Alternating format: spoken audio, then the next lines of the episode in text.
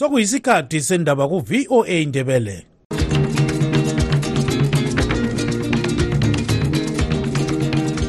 amatshono zihlobo siyalamukela kuhlelo lwethu lwezindaba eziphathelane lezimbabwe. Kustudio 7 eye-voice of america sisakaza sisewashington dc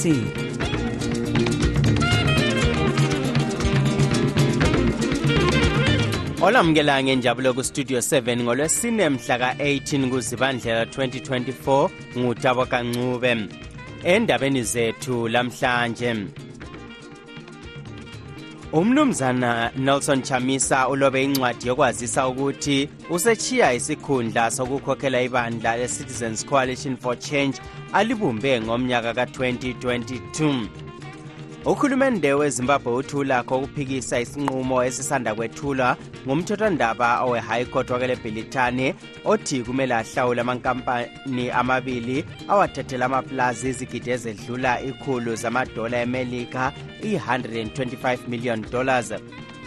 Amapholisa athi abophe abantu abalithumi kobulawayo. Namuhla abatholakale besemcimbini wokuganga obizwa ngokuthi ngamavuzu party kwenye indlu emzini we-hillside. Zonke lezi ndaba lezinye lizozizwa kulo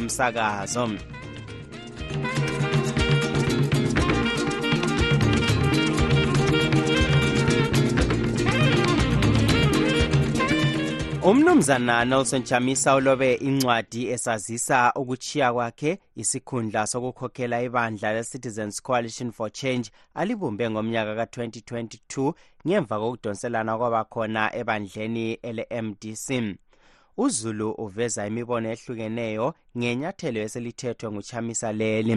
U-anastasia ndlovu usethulela lolu daba ngokugcweleyo ekobulawayo uchamisa owethule umbiko lo namuhla uthi usefuna ukuphendla ezinye indlela zokukhulula elezimbabwe athi kalisasebenzeli uzulu uthi kuzwisa usizi okwenziwe nguchabangu labanye bakhe abaxotshisa amalunga e-ccc edale lephalamende lamakhansili kwaqhutshwa ukhetho lwama-by-elections okwavinjwa amalunga lawa lamakhansili ukuba ancintise. Wong nhasi tatura mashoko ekuti tava kuvhura nzira itsva gwara idzva mafambiro matsva. Tinoona kuti panga pachiita musikanzwa tinoona sokuti pari kuitwa mahumbwe. Sikubonile ukuthi ibandla leli selisezandleni ezimbi kakhulu. Selihluthunwe libandla le-zanup f libambisana labantu abangamahlongandlebe. Abantu esingabaziyo abafuna ukuthi bona bebe lo mbuso ezikhwameni zabo. Ngakho-ke sithethe lesi sinqumo ngoba sesibone ukuthi asiyindawo nxa ukuthi kusenzakala lokhu kubandla le-ccc esikwenzayo sikufaka ezandleni zikankulunkulu njalo sibona ukuthi sizaphumelela ukuthi sikhulule ilizwe lezimbabwe ngoba leli lilizwe lomuntu wonke hatshi elebandla lezanup f okwamanje sekulungiselelwa ukuba kuqhutshwe olunye njalo ukhetho lwama-by-elections olukhangelelwe ukuthi luzakwenziwa mhla ka-3 nhlolanja lonyaka sekuvinjwe abanye njalo ababekudale lephalamende lamakhansila ebandla le-ccc ukuba bengancintisi kukhetho lolu. Uchamisa uthi kusobala ukuba i-ccc isingenwe zimpehlane ezibambisana lezanup f ngakho-ke sokuyisikhathi sokuchiya ibandla leli isikhulumeli sebandla le-ccc umnumzana promise mkhwananzi ukhuluma kabanzi ngodaba lolu Ah, sizakhomenda sizakhipha i-statement at the right time. Eh, anje it just happened, we are processing and consulting and coming up with the decision. kodwa obona ngokwethulwa kwemibiko kubandla lezanup f umnumzana farai marapira uthi uchamisa nguntando kayiphikiswa As ZANU-PF, we don't traditionally take interest or take notice of what occurs in opposition circles. But um, of this, we have to take note because the occurrences that have been happening in the opposition since our August elections last year have been causing a lot of uh, national uh, problems in the sense that thina njengezanu p f ukukhuluma ngalokhu kwenzakala kumabandla aphikisayo kodwa ngalokhu sithi obekusenzakala kubandla eliphikisayo bese kudale inhlupho eziningi lapha ezimbabwe ngoba amazimbabwenzi babuyelile njalo kuma-by elections amabili ngenxa yokungahleleki kwebandla eliphikisayo. Ilunga lebandla lezaphu umnumzana matthew sibanda usola inyathelo elithethwe nguchamisa esithi isinqumo sakhe asiveli ebantwini ayebamele kukhetho oludluleyo. Ngombono wami ngibone ngathi uchamisa akwenzileyo ukuthi achiye ibandla le-triple c. Mbone ngani ngezinye indlela kutshengisa nje ungabi lesibindi ukuba ligwala lokuba ngumkhokheli uyindoda engumkhokheli. Kwenza unganiki abantu ithemba ngobukhokheli bakho ngoba into eqakathekileyo ukuthi ma ungumkhokheli ulida abantu kumbe ibandla uhlangane lebandla lakho liqale libonisane uqale ubhode ilizwe lonke ubone uzwe ukuthi abantu bathini bakubonisa njani. Hhayi khona uphonguvuka ukuthi usuchiya kuyafana lamanje azalibumba ibandla. Kuzayenza abantu bengabi lesiqiniseko layo ukuthi umkhokheli oqobo oqondileyo leqiniso. Olwela amalungelo oluntu unkosikazi cora ndebele uthi akubamangalisi kade sikhalelwe ngabantu abaningi eva kwengxabangxoza kade senzakala okuye kwenzakala ngendlela okwenzakala ngakhona ngesikhathi sikamonzora. Um sokuyinjayelo njalo emabandleni ebandleni opposition zakithi ukubana upresident manxa echiya ibandla lihle lidilike isikhulumi selinye icele ele-ccc elikhokhelwa nguchabangu umnumzana alfred ziruthwe uthi uchamisa ligwala elehluleke ukumela abantu. Ukuchiya kukachamisa isikhundla kutshengisela ukuthi ungumuntu ongelaqiniso kutshengisela ukuthi ungumuntu inkokheli ekade ingekho ready ukuthi ixhasane labantu sithathe uzibuse ezimbabwe. Utshengisele ukuthi yena ngumuntu oselfish ukuthi yena nxa kungahambi ngendlela yakhe akulanto eyenzakalayo ngcono kuyekelwe. Umabhalane wenhlanganiso elwela amalungelo oluntu eye ibhethu likazulu umnumzana mbuso ofuzwayo uthi kuyadanisa sokusenzakala ku-ccc okwenzakala ebandleni le-triple c kuyethusa kuyadanisa ukubana ode ngumongameli avuke nje esesithi usetshiye ibandla. Akwaziwa ukuba uchamisa uzasungula nini elinye ibandla ngesikhathi kule mibiko ethi amakhansili amaningi kobulawayo aselobele umabhalane omkhulu wedolobho leli esithi asesuka ezikhundleni zabo kulandela okwethulwe ngobekhokhela ibandla le-ccc ngikobulawayo ngingu-anastasia ndlovu.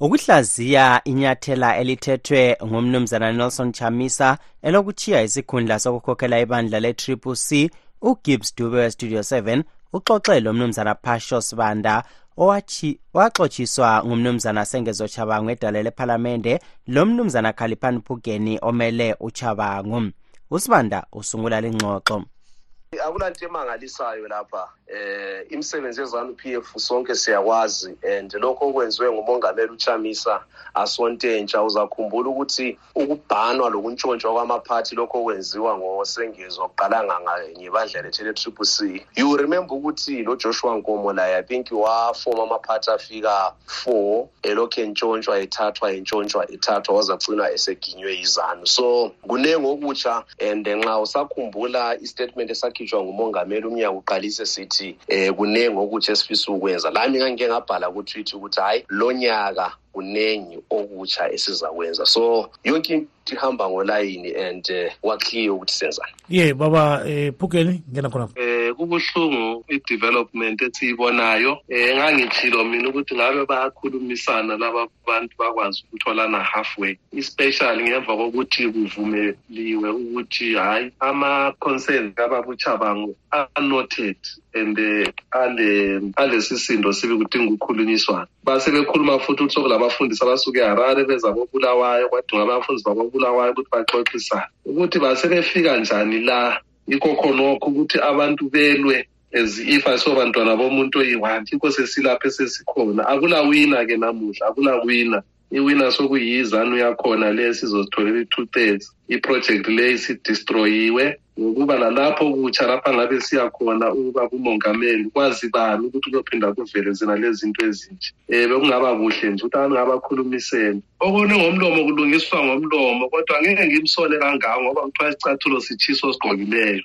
ikhona kade sebemfake kulo hhayi lona beselibuhlungu kakhulu sibili kodwa-ke hhayi siyathemba ukuthi eh kusasenethuba lokuthi bangaphinda bakhulumisane babone ukuthi bangayiseva kanjani le project. Ye siyakuzwa kakhulu ukuthi sibiseke ubaba usibanda. Sibanda kambe ukuthi kungakhona ukukhulunyiswana sokunje? Ngihlezi ngubeka kanje dube ngithi umuntu uyakutshontshela imbuzi zakho eziyi-ten angithi abe sesithi imbuzi zakho lezi engutshontshele zona nanzo semphenduka lazo kasabelane kasisheye uyabukhulumisanani lakhonokho so ikuthethisa umongameli phela ukuthi eh bamjwamulela bahluthuna ibandla alisungula eh ngo2022 bathe sebelijwamulile lezanu balihluthuna selibasinda sebephenduka bethi asikhulumisane kukhulunyiswanani uyayibona into yangikhona so akuphumi ngoba awusoze unjela ukuthi thina siluze ama-court cases afika 18 unjela ukuthi i-incompetence kumbe asilamagqwetha right.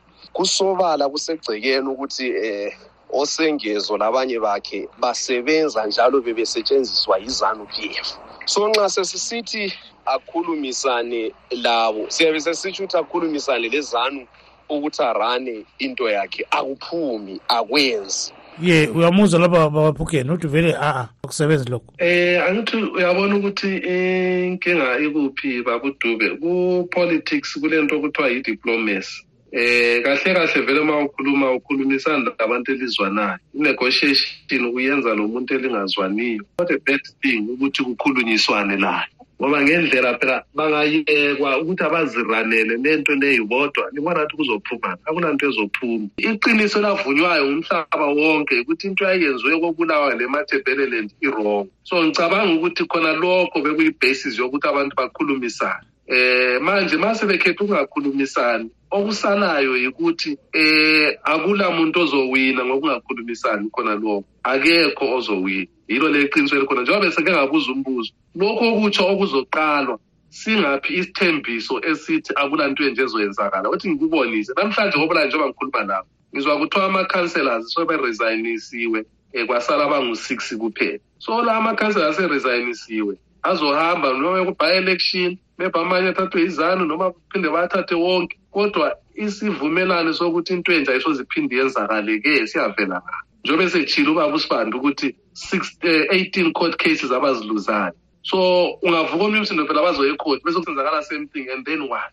Yikho engikutshoyo ukuthi ekugcineni abantu bezimbabwe ngabe bayahlala phansi bakhulumisane. Um mangothi kwehlula lihambe e-south africa siyebuya loba kumbheki or babuzuma whoever south africa ibe igarantor kodwa kuseqinisweni ukuthi asikwazi ukukhalala asikwazi ukwenza i-revolution sokusehlule lokho. Into ekhona yikuthi abantu abahlale phansi kungabi noncindezelo omunye kungabi lomunye ofuna ukuthatha abantu bayenze ngathi ayisolutho endaweni zakubo ngoba yikho lapha ile nto yaqala khona. Khulu-ke baba um sibanda ubona zane vele sokubhidlikile ukuthi akusalungiseki kumbe kubunjwe elinye ibandla lakho lingabunjwa liyabe siya ngaphi akusoze kuphinde yilokho. Okubalulekileyo okufanisa abantu bekuzwisise ukuthi ipolitics esesizenza kathesi kakuseyizo ezamabandla. Uke washo futhi umongameli emalangeni esitsho ukuthi eh, ethi yena brace up for the new we are no longer doing party politics. So njengoba njile ukuthi hhayi into siyibambe kuhle siyazi ukuthi siya ngaphi njalo siyezani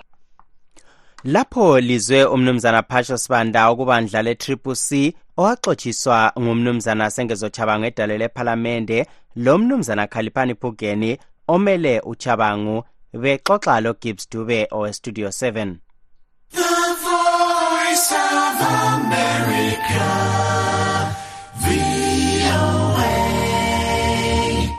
uhulumende wezimbabwe uthi ulakho ukuphikisa isinqumo esisanda kwethulwa ngumthethwandaba we-high court wakwelebhilithane othi kumele ahlawule amankampani amabili ahluthunelwa amaplazi phansi kohlelo lokwabela uzulu umhlabathi.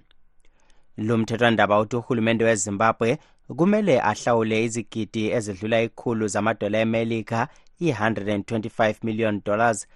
Isinqumo lesi sethulwa lidale ele-international center for settlement of investment disputes ngomnyaka ka-2015 kubika u-ezra chisasibanda umahluli we-high court kwelebhilitani ujustice julia dias ulahle isicelo sezimbabwe sokuthi idale le-icsid elamonjwa ngomnyaka 1996 libhange elikhulu lamazwe omhlaba ele-world bank liphathe indaba zelizwe leli udayas uthi kumele kuhlawulwe amakampani amabili abalisa ibora timbers private limited le-hungany development limited ayiwo aphanyika udaba lo le-center for settlement of investment disputes ngomnyaka 2010 uhulumende wezimbabwe uthi ulakho ukusiphikisa isinqumo esethulwe ngujustice dias unkosikazi virginia mabhiza igqwetha elikhulu likahulumende uthi basahlolisisa udaba lolo. Okwamanje angifisi ukukhuluma ngodaba mutongo wakabuda nenguva yekufunga nezvawo tozotora matanho atinoona akakodzera zviri pamutemo panyaya dzinenge dziri umphathintambo wezemthetho umnumzana ziyambi ziyambi walile ukuchaza ukuthi uhulumende wakhe uzakwenzani esithi studio 7 ayikhulume lo mtshutshisi omkhulu welizwe fonela attorney general shayela ucingo u-attorney general nguye wayephatheka kulolu daba njalo nguye wayehamba enkantolo elondon elanda leli cala ngibona kunguye futhi okufanele ukuthi akhulume ngalolu daba ngoba wayemele uhulumende umtshutshisi omkhulu welizwe ujustice lois mathanda moyo laye walile ukhuluma ngodaba lolo.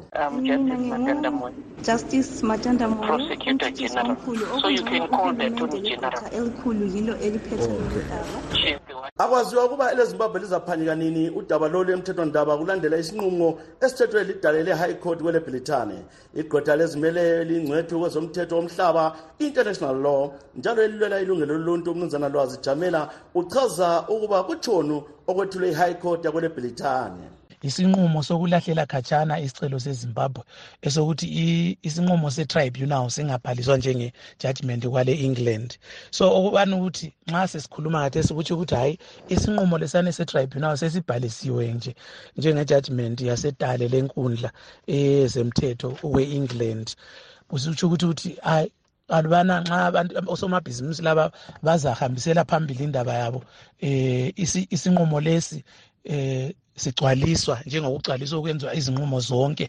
ezemthethwandaba yase-england. Izimbabwe nxa ilama-properties kumbe sithi ilezinto ezikwanisa ukuthi zibanjwe zithengiswe ezifika khona isikweleti soneso sese-1 and 24 million le-interest yakhona zilakho ukuthi zibanjwe khona le-england zithengiswe. Njani? Kumbe izimbabwe izabhadala usomabhizimusi kumbe izayekela nje layo njengoba ikhanya hayi iyakhonona izimbabwe kayifuni ukuthi ibhadale. Ujamela uchaza kabanzi ukuthi kungani lezimbabwe lingavumelani lokwethulwe yi-center for settlement of investment disputes? Ngo-2021 eh amakampani lawana eh aphumelela kusicelo sawo enkundleni ye-England ukuthi isinqumo lesiyana se-tribunal si, eh, sibhaliswe njengesinqumo sedale ledale lomthetho ose-England ukuthi ngesikhiwa sithi is registered as a judgment of icourt ye-England ah iZimbabwe njalo um kayisuthisekanga khonokho kayivumelani lesinqumo senoso. Yafayela amaphepha kunkundla ye-england ikhonona ngesinqumo soneso njalo icela ukuthi isinqumo lesi sibekwe eceleni. Ingcwethu ehlaziya zombusazwe njalo elelamalungelo kazulu ekunhlanganisweni national consumer rights association of zimbabwe. Umnumzana efidlela ncube uthi isigwebo lesi yisifundo esikhulu ukuthi uhulumende wezimbabwe alandele umthetho kunhlelo zakhe. Umthetho kawulandelwe ulandelwe ulandelwe uhlolisiswe ukuthi kambe umthetho uthini. Kwenziwe khona lokhu umthetho othi kakwenziwe. Kungathathwa izinqumo zepolitiki kungathathwa izinqumo leziyana ezibonisa ukuthi umthetho kawuhlonitshwa ngoba phambili kuyahlala kulimaze njalo sezifunakala izimali zakhona. Elezimbabwe lahluthula amaplazi abamhlophe kusukela ngomnyaka ka-2000 lisithi abensundu kabanamhlabathi wokulima elebhilithani lamanye amazwe ahlaba umkhosi esithi akukho emthethweni okwenziwa ngelezimbabwe kodwa wayekhokhela ilizwe ngesikhathi lesi umuyi robert mgabe wachaya phansi ngenduku esithi sesifikile isikhathi sokuthatha umhlabathi uphiwe abensundu. Uhulumende wathembisa ukuba uzahlawula amabhiliyoni amathathu emadola emelika 3.5 billion ukuthi abhadale ahlawule izakhiwo lezo zamapulazi hatshi umhlabathi ngokwawo. Ngiyimele studio 7 ingobulawayo igama lam ngezechisa sibanda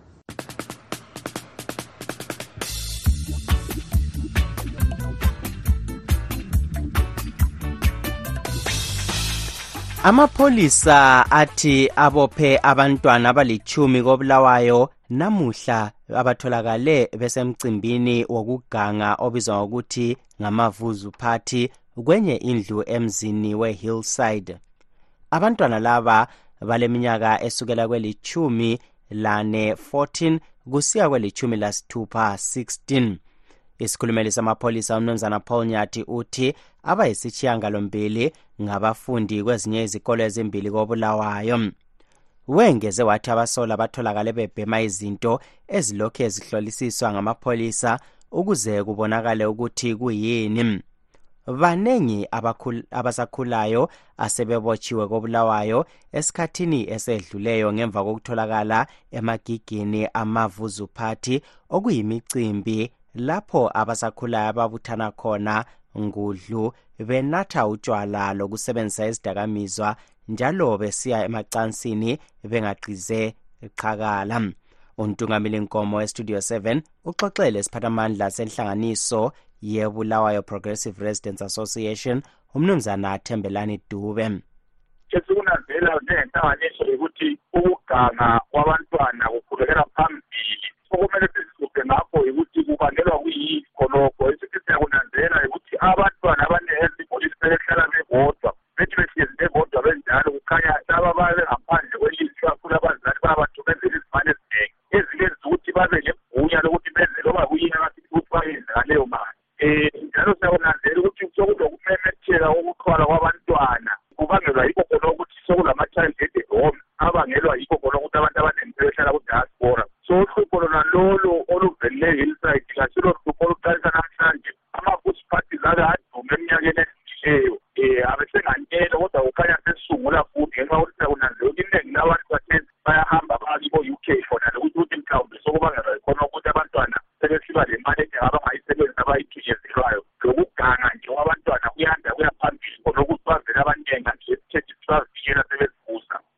uyatsho ukuthi ludala lolu daba kobulawayo babadube lungaqedwa njani pho? Okukhona ukuthi imithetho kumele iqinise isandla somthetho kumele siqine ebantwaneni.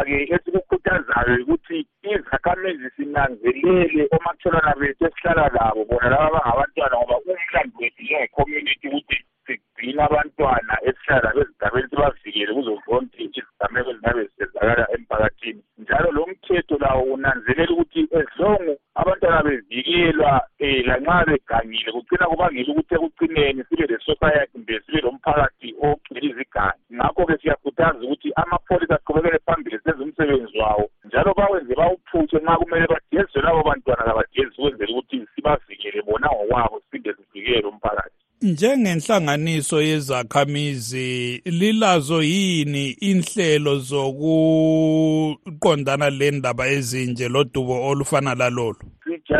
Ukukhuthaza ubukhokheli njalo siyaqhubeka sikhuthaza ubukhokheli bezigaba ukuthi sinanzelele kwabe kusenzakala ezigabeni. Nxa kulokunye esingakuboni kuhle sitshela amapholisa ngilethemba ukuthi okwenze labo bantwana babanjwa izakhamizi ezisuke zaripota emapholiseni ukuthi kulesigameko esinje esenzakala endaweni ethile. Khonakhona ke sikukhuthazayo ukuthi sinanzelele izigaba ezihlala kizo ukwenzela ukuthi zihlale zilokuphepha zilokuthula njalo singabona kungani kule nto engahambi kuhle? Umthetho singazawufaka ezandleni ngoba abantu bayagcina bebotshiwe kodwa-ke baripota emapholiseni umnumzana thembelani dube yisiphathamandla senhlanganiso yebulawayo progressive residence association. Ubexoxa lontungameli nkomo owestudio 7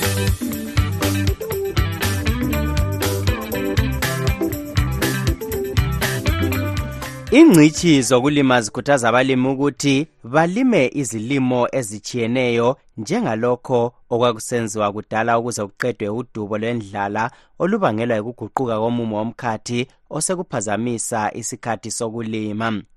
Sixoxa losikhwicamfundo tafadzwa mabhawudi osebenza lenhlanganiso ye-center on climate change and planetary health esikolo se-london school of hygiene and tropical medicine njalo enguye owacwayisisa ngalolu daba loba iphepha elilenkuthazo kubalimi.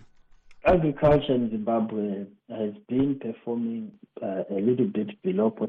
uhlangothi lwezokulima ezimbabwe belungaqhubi kuhle laloba kule ntuthuko esibe khona kodwa kulezinye izigaba eziqhuba kuhle ngenxa yokuna kwezulu.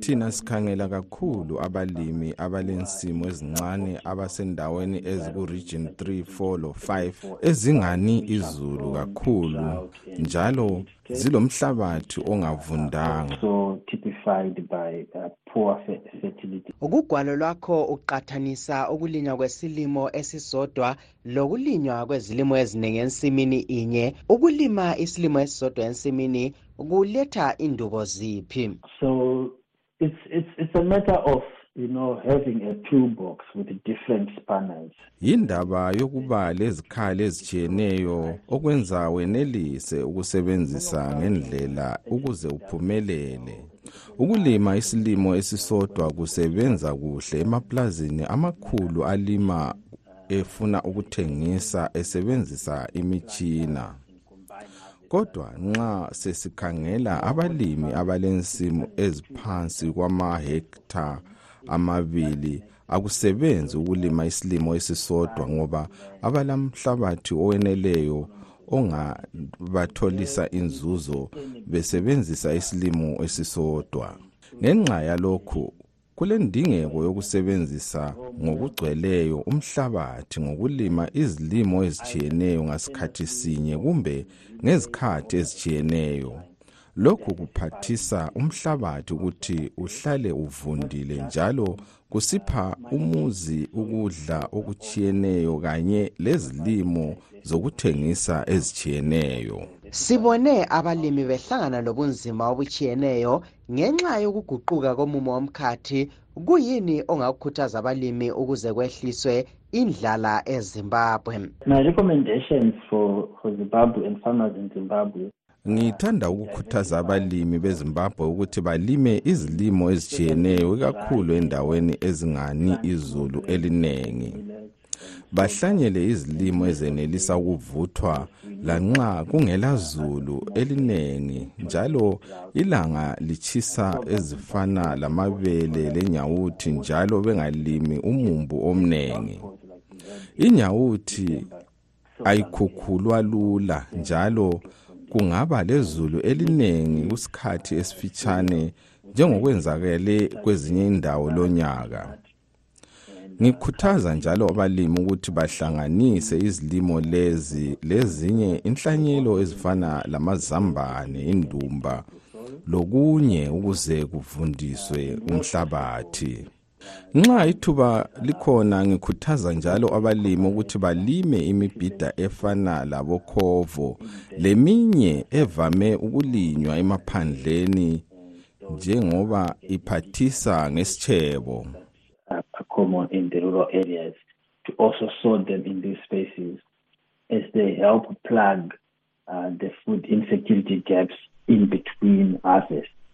Lo ubengusikhwicamfundo thafadzwa mabhawudi osebenza lenhlanganiso ye-center on climate change and esikolo se-london school of hygiene and tropical medicine exoxa ecingweni lestudio 7 esebhilitane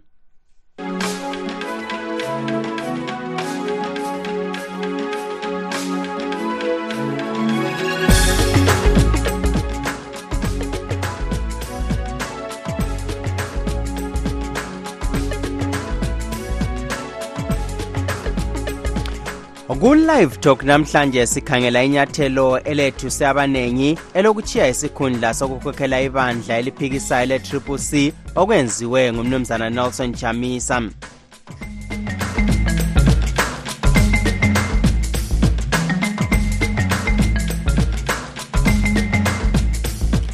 Singake hlukana izihlobo othi sikhangele ezinye zendaba ebezikhokhela.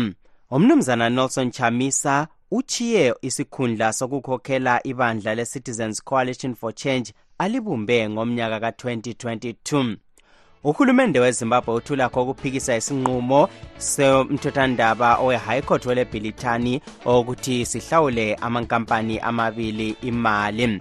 Silugqiba-ke lapha uhlelo lwethu lanamhlanje olivalelisayo ngutabo kancube lilale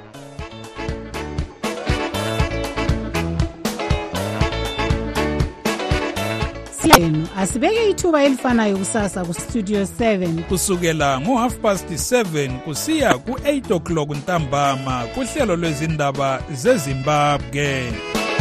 Tinotenda nekuteerera chirongwa chedu. Teererai zvakare mangwana kubva na7 p m kusvika na730 p m. Apo tinokupai nhau muririmi rweshona.